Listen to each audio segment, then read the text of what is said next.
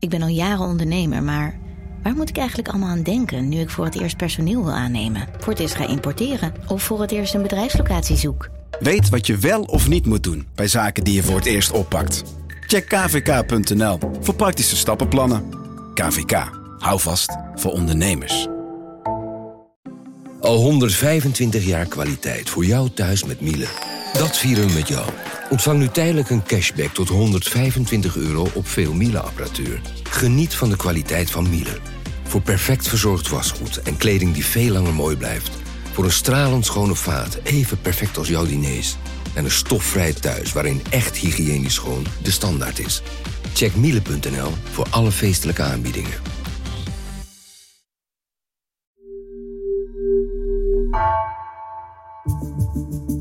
Vanaf de redactie van NRC het verhaal van vandaag. Mijn naam is Egbert Kalsen.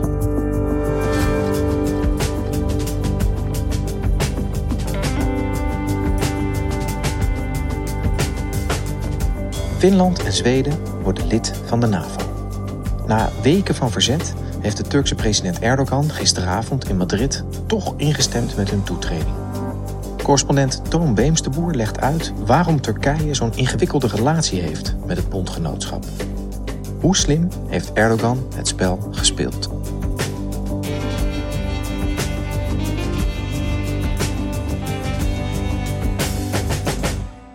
Toon, uh, het is dinsdagavond laat en uh, wij spreken elkaar even via Teams. Want uh, vanmorgen spraken we elkaar al, al uitgebreid over de eventuele toetreding van Zweden en Finland tot de NAVO en de, en de rol van Turkije daarbij. En daar is vanavond echt, echt groot nieuws over gekomen. Hè? Kan jij vertellen, wat, wat is er gebeurd? Ja, precies. Nou ja, ik denk dat het een half uur geleden was dat het nieuws binnenkwam dat er een deal is. Turkije heeft zijn bezwaren tegen het lidmaatschap van Zweden en Finland ingetrokken. Deze doorbraak kwam nadat de drie landen een, een gezamenlijk memorandum hebben getekend. Uh, dat ze zeg maar, aan de kantlijn van de NAVO-top, die vanavond begint in Madrid, nog gesprekken hadden gevoerd. De inhoud van de deal is ook duidelijk inmiddels. Zweden en Finland die hebben eigenlijk alle eisen van Turkije ingewilligd. Om te beginnen uh, heffen ze allebei een, een, een, informeel wapenembargo op. Dat ze hadden ingevoerd nadat uh, Turkije Noord-Syrië was binnengevallen. Beide landen benadrukken ook dat ze de PKK eh, zien als een, een, terroristische organisatie. En dat ze hun steun voor de zusterorganisatie van de PKK in Syrië, de IPG, dat ze die steun intrekken. Verder zullen ze hun anti-terreurwet aanpassen. Beide landen waren er al mee bezig.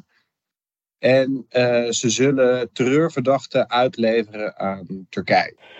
Oké, dus dat klinkt echt als een, uh, als een heel pakket. Uh, jij zei al, er zijn veel toezeggingen van Erdogan ingewilligd. Als je nou de balans probeert op te maken. Zweden en Finland mogen bij de NAVO. Turkije heeft er wat voor teruggekregen. Wie zijn de winnaars en wie zijn de verliezers in dit verhaal?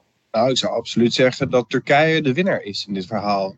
Erdogan heeft toch uh, behoorlijk stevige concessies van uh, Zweden en Finland uh, binnengesleept. En heeft eigenlijk het Turkse veto over het, de toetreding van nieuwe leden, die heeft hij heel slim ingezet om die eis ingewilligd te krijgen. Dus ik zou zeker zeggen dat Erdogan de winnaar is in deze. En uh, Zweden en Finland zijn behoorlijk door de knieën gegaan. Die, uh, die hebben toch echt uh, zwart op wit vastgelegd dat ze stoppen met het steunen bijvoorbeeld van de Syrisch-Koerdische strijdgroep IPG. Waar de Zweedse, met name de Zweedse regering toch wel behoorlijk nauwe betrekkingen mee onderhield. En ook dat ze Koerdische groepen die uh, gelieerd zijn met de PKK of, of, of, sympathiseren met de strijd van de PKK, dat ze die ook in eigen land zullen aanpakken. Ja, hey, uh, toen ik je vanmiddag sprak, uh, voordat het nieuws bekend werd, toen hadden wij het ook al, al uitgebreid over deze kwestie en over jouw reis naar Zweden, naar de Koerdische gemeenschap daar, en over de positie van Turkije binnen de NAVO.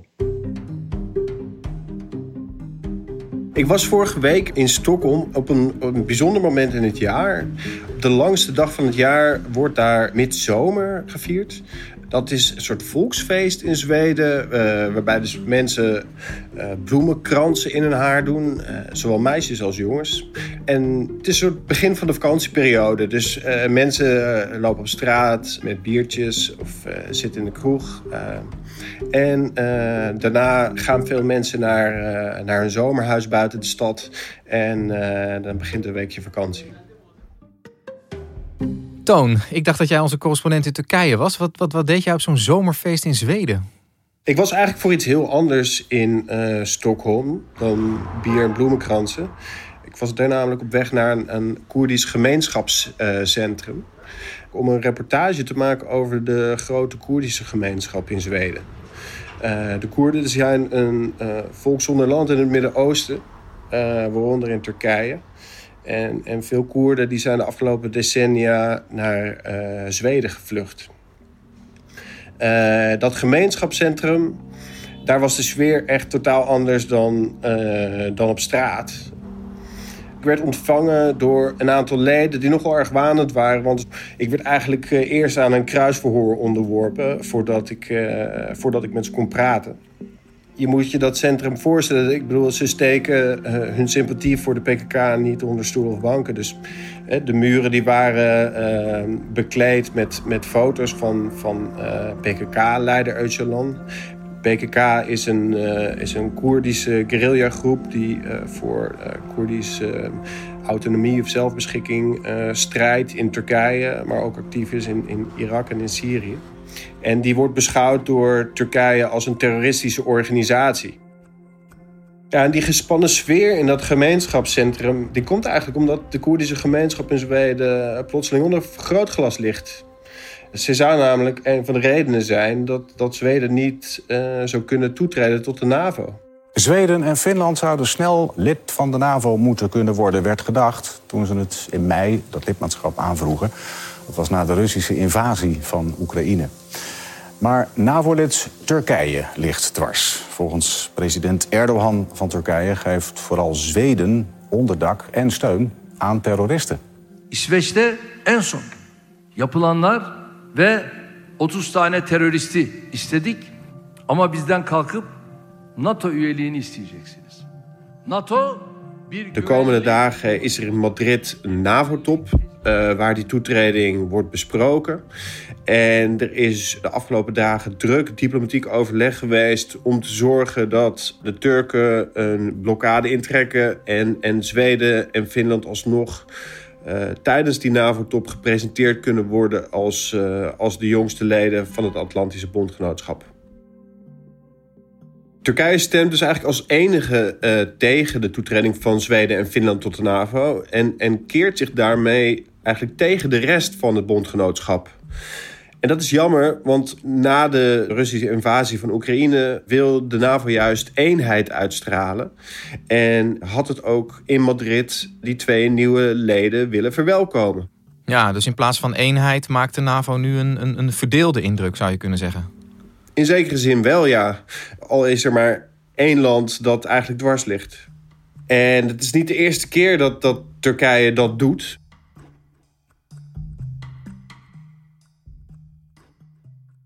En Toon, waarom verkeert president Erdogan en dus Turkije de laatste tijd in zo'n zo'n lastige positie binnen de NAVO? Nou, dat is eigenlijk al een aantal jaren aan de gang dat Turkije zich als een soort splijtswam opstelt binnen de NAVO.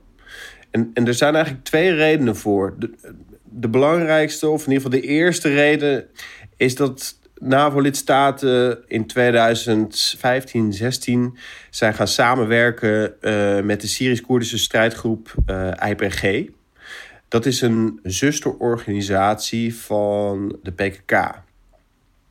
En het Westen is met die groep gaan samenwerken in de strijd tegen uh, de terreurgroep Islamitische Staat in Syrië. De Amerikanen gaan de Syrisch-Koerdische IPG voorzien van zwaardere wapens. En daarmee zou Raqqa sneller op IS kunnen worden heroverd. The US has said the YPG is the only force on the ground that can successfully seize Raqqa in the near future. En dat is Turkije altijd een doorn in het oog geweest. Dus Door de Zweedse toetreding te blokkeren probeert Turkije eigenlijk ook andere uh, NAVO-lidstaten onder druk te zetten om uh, die steun voor, voor de IPG te laten varen. Ja, en, en jij was dus in Zweden. Hoe, hoe wordt daar op die, op die inzet van Turkije, op die woorden van Erdogan gereageerd? Nou, daar is behoorlijk veel over te doen, uh, zoals je kunt voorstellen. Het is, uh, gebeurt niet vaak dat uh, Zweden zich ineens in het oog van de geopolitieke ontwikkelingen in, in de wereld bevindt. En het beeld wat daaruit ontstaat is eigenlijk vrij negatief. Mensen vragen zich af of Turkije die, die paar Koerdische organisaties dan zoveel belangrijker vindt dan uh, de dreiging uit Rusland van, van president Poetin. En uh, in Zweden is wel degelijk veel sympathie voor de, voor de PKK. En voor de IPG zeker. Hè, want Zweden is de afgelopen decennia uitgegroeid tot een bolwerk van de Koerdische intelligentsia. Dus inmiddels is die gemeenschap ongeveer 150.000 man groot. Er zijn ruim 100 Koerdische organisaties. Er zijn tientallen Koerdische politieke partijen. En de Koerden uh, hebben eigenlijk echt een maatschappelijke positie verworven in Zweden. Met allerlei invloedrijke commentatoren, activisten. En, en er zijn zelfs uh, zes Koerdische parlementariërs van verschillende partijen. Dus die sympathie is er. Alleen volgens de Turken gaat het om meer dan sympathie. He, eh, gaat het ook om, om actieve steun voor de strijd tegen het Turkse leger. Ja. En daar lopen die twee dingen natuurlijk een beetje spaak. In die zin dat de vrijheid van meningsuiting, de vrijheid van vergadering in Zweden een stuk sterker verankerd zijn dan in Turkije. Koerdische organisaties die sympathie hebben voor de PKK, die kunnen daar eigenlijk uh, vrijheid opereren en die kunnen eh, demonstraties houden uh, of acties organiseren of met een PKK-vlag zwaaien. Daarvoor zouden ze niet worden opgepakt. Dat wordt gezien als, als he, vrijheid van meningsuiting, vreedzaam protest. Terwijl die dingen in, in Turkije worden afgeschilderd als terroristische propaganda. En Turkije wil dat er ook een eind aan gemaakt wordt. Dus dat is die Koerdische kwestie. Daarmee zit Erdogan in zijn maag als het gaat over zijn, uh, zijn positie binnen de NAVO. Jij zei in het begin er zijn twee redenen. Wat, wat is die andere reden? Uh, nou, de tweede reden is, uh, dan, dan moeten we ook weer terug naar 2016. Het jaar van de mislukte coup in Turkije. Rond half tien gisteravond komen de eerste berichten binnen dat er in Ankara en Istanbul militairen en tanks worden gezien. Een uur later claimt het Turkse leger dat de coup succesvol is. Een nieuwslezer op staatszender TRT leest een statement van de militairen voor. Anayasa ve kanun ihlalleri Turkije heeft in het hele land bijna 3000 militairen gearresteerd, 2700 rechters op non-actief gesteld. Er vielen ruim 1400 gewonden en 265 doden. Dat is echt een soort waterscheiding geweest in de Turkse politiek. En dat heeft veel qua bloed gezet tussen Erdogan en het Westen. Erdogan die beschuldigt het Westen er eigenlijk van achter die coup te zitten. En uh, via de Gulen-beweging, die dan eh, wordt aangewezen in Turkije als, als de organisatie die achter die coup zat. Maar het Westen zou die Gulen-beweging hebben gebruikt om van Erdogan af te komen. Hmm. En, en waar komt dat gevoel bij, bij hem vandaan dan? Waarom zou, dat Westen, waarom zou het Westen dat willen doen? Je moet je voorstellen dat eh, die coup die is aan de gang. Het vermeende brein van die coup woont in de Verenigde Staten. Dat is de Turkse geestelijke Fethullah Gulen. Die woont daar in ballingschap in Pennsylvania. Dus voor de Turken is het eigenlijk meteen duidelijk. Die man die woont in de Verenigde Staten. Die heeft banden met de CIA. De CIA heeft uh, de hand in die coup. Westerse landen proberen van president Erdogan af te komen. Er is sprake van een enorme wantrouwen en aversie jegens het Westen. En het lijkt erop dat, dat president Poetin en president Erdogan... dat ze elkaar gevonden hebben in een soort van conspiracy-achtig wereldbeeld waarbij het Westen dus achter allerlei demonstraties en andere volksoproer zit, uh, waar zij pogingen inzien om van hen af te komen. In, in het geval van Poetin waren dat de kleurenrevoluties in Georgië en Oekraïne. Uh, en in het geval van Erdogan was dat dus de mislukte coup in 2016. En na die coup uh, zijn Erdogan en Poetin eigenlijk steeds betere banden gaan opbouwen met elkaar. Je zou dus kunnen zeggen dat die, die, die coup in 2016 Erdogan in de armen van, van, van Poetin heeft gedreven. Dat is juist nu, denk ik, hè, een goede band met Poetin hebben ja, in dat hele Oekraïne-conflict. Uh, zeker voor een NAVO-lid als Turkije een ontzettend ingewikkelde positie, denk ik. Precies, uh, precies. Uh, er was binnen de NAVO de afgelopen jaren eigenlijk al toenemend. nou, waren er toenemende zorgen dat Erdogan afdreef van de NAVO en in de armen van Poetin terechtkwam. Nou ja, door die blokkade van de Zweedse toetreding wordt dat beeld natuurlijk versterkt. Dus het lijkt alsof Turkije onder Erdogan het Poetins Trojaanse paard binnen de NAVO is. En wat je ook ziet is dat sinds Erdogan nou ja, eigenlijk zijn veto heeft uitgesproken over uh, toetreding van Zweden en Finland tot de NAVO. Dat uh, Poetin zich opvallend stilhoudt over de hele kwestie. in het begin dreigde hij natuurlijk met consequenties. Rusland waarschuwt de NAVO. Als die de lidmaatschapsaanvraag van Zweden en Finland goedkeurt, zullen de Russen reageren. В этом смысле э, непосредственные угрозы для нас расширение за счет этих стран. Maar op het moment dat, dat Erdogan uh, zijn kont tegen de krip gooide, uh, is het eigenlijk opvallend stil in Moskou. Uh, want Erdogan die haalt natuurlijk, wat dit betreft, de hete kolen voor, voor Poetin uit het vuur. En doet dat op een veel effectievere manier dan, dan Poetin ooit zou kunnen doen. Ja, dus het is eigenlijk de vraag: horen we hier Erdogan of, of horen we hier Poetin als het over dit verzet gaat? Inderdaad, dat is de vraag die, die, die leeft eh, binnen de NAVO. Ja, want Toon, Poetin die heeft natuurlijk een heel duidelijk belang uh, dat de NAVO niet uitbreidt. Hè. Hij is de grote tegenstander van, eh, van het NAVO-blok. Dus hij heeft wat te winnen, zou je kunnen zeggen, bij een blokkade van, van Zweden en Finland.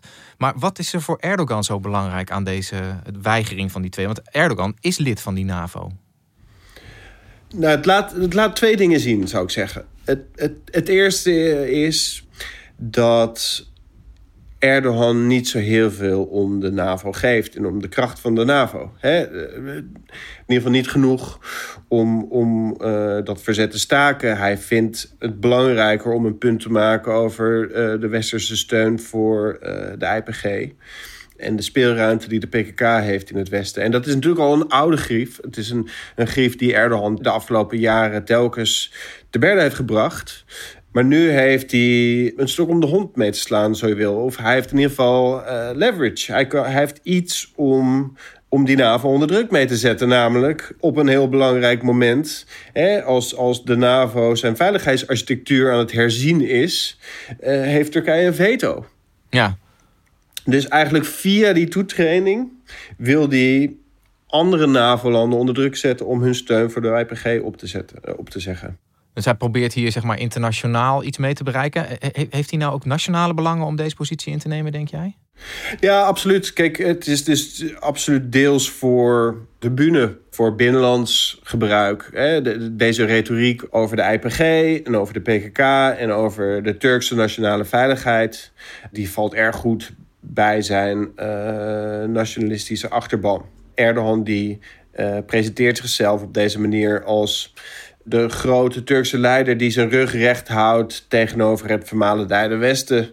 En die uh, er geen zier om geeft hoe die in westerse hoofdsteden gezien wordt. Zolang hij maar opkomt voor de Turkse nationale veiligheid. En dat heeft er alles mee te maken dat er verkiezingen gepland zijn in Turkije. En, en dat Turkije op dit moment eigenlijk al in een soort verkiezingscampagne zit.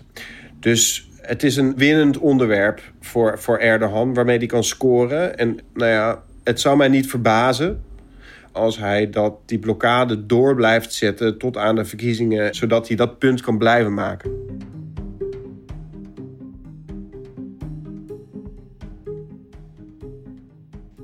Nou, Toon, we weten inmiddels dat, hij, uh, dat Erdogan het dus niet gerekt heeft tot de verkiezingen, maar dat hij, uh, dat hij heeft ingestemd met de toetreding van Finland en Zweden tot de NAVO.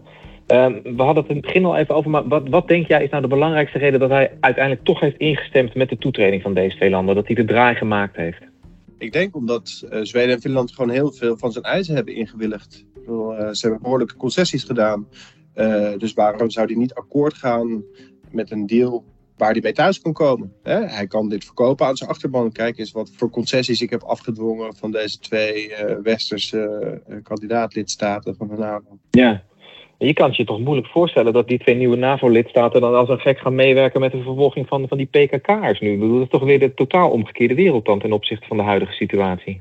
Nou ja, ik denk dus dat de uh, devil is in the details, zoals ze zeggen. Zeker wat die uitlevering van terreurverdachten betreft. Kijk, het betekent niet automatisch dat uh, Zweden en Finland zomaar terreurverdachten zullen uitleveren naar een land waar bijvoorbeeld eh, serieuze twijfels zijn over eerlijke rechtsgang. Of uh, marteling nog steeds voorkomt. Ze kunnen in die zin zeker juridische uitvluchten bedenken om die uitleveringsverzoeken niet in te willigen.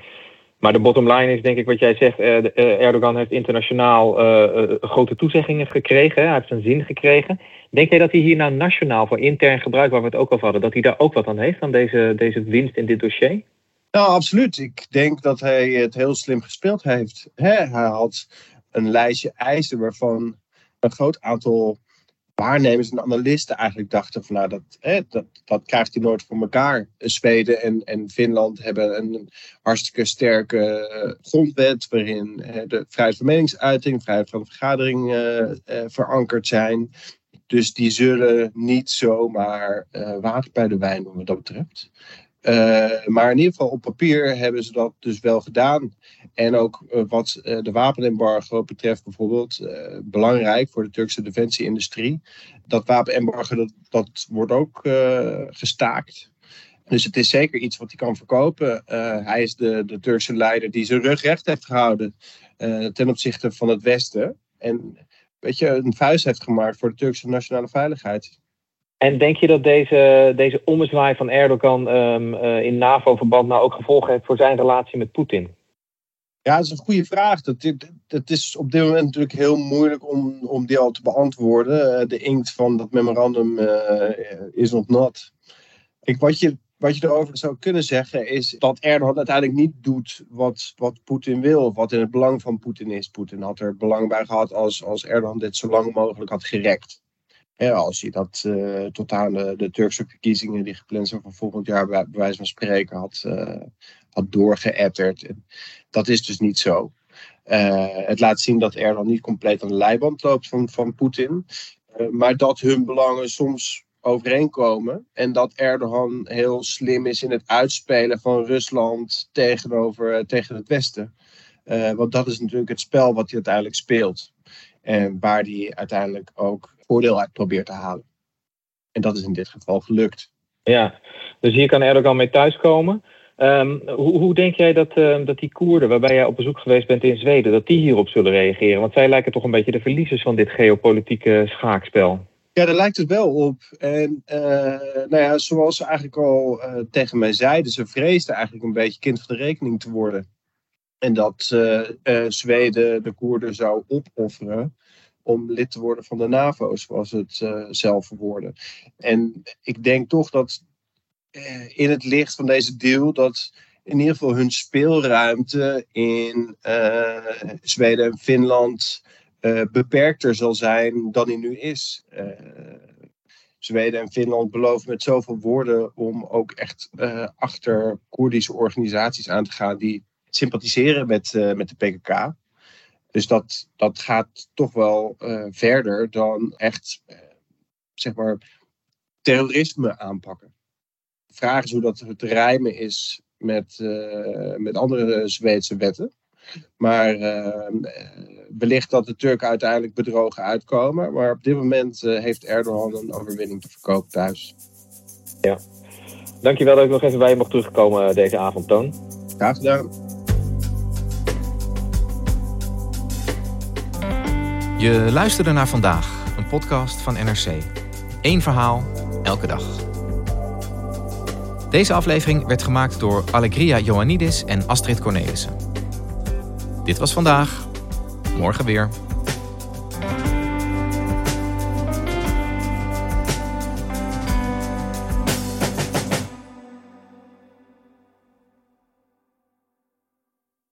Technologie lijkt tegenwoordig het antwoord op iedere uitdaging.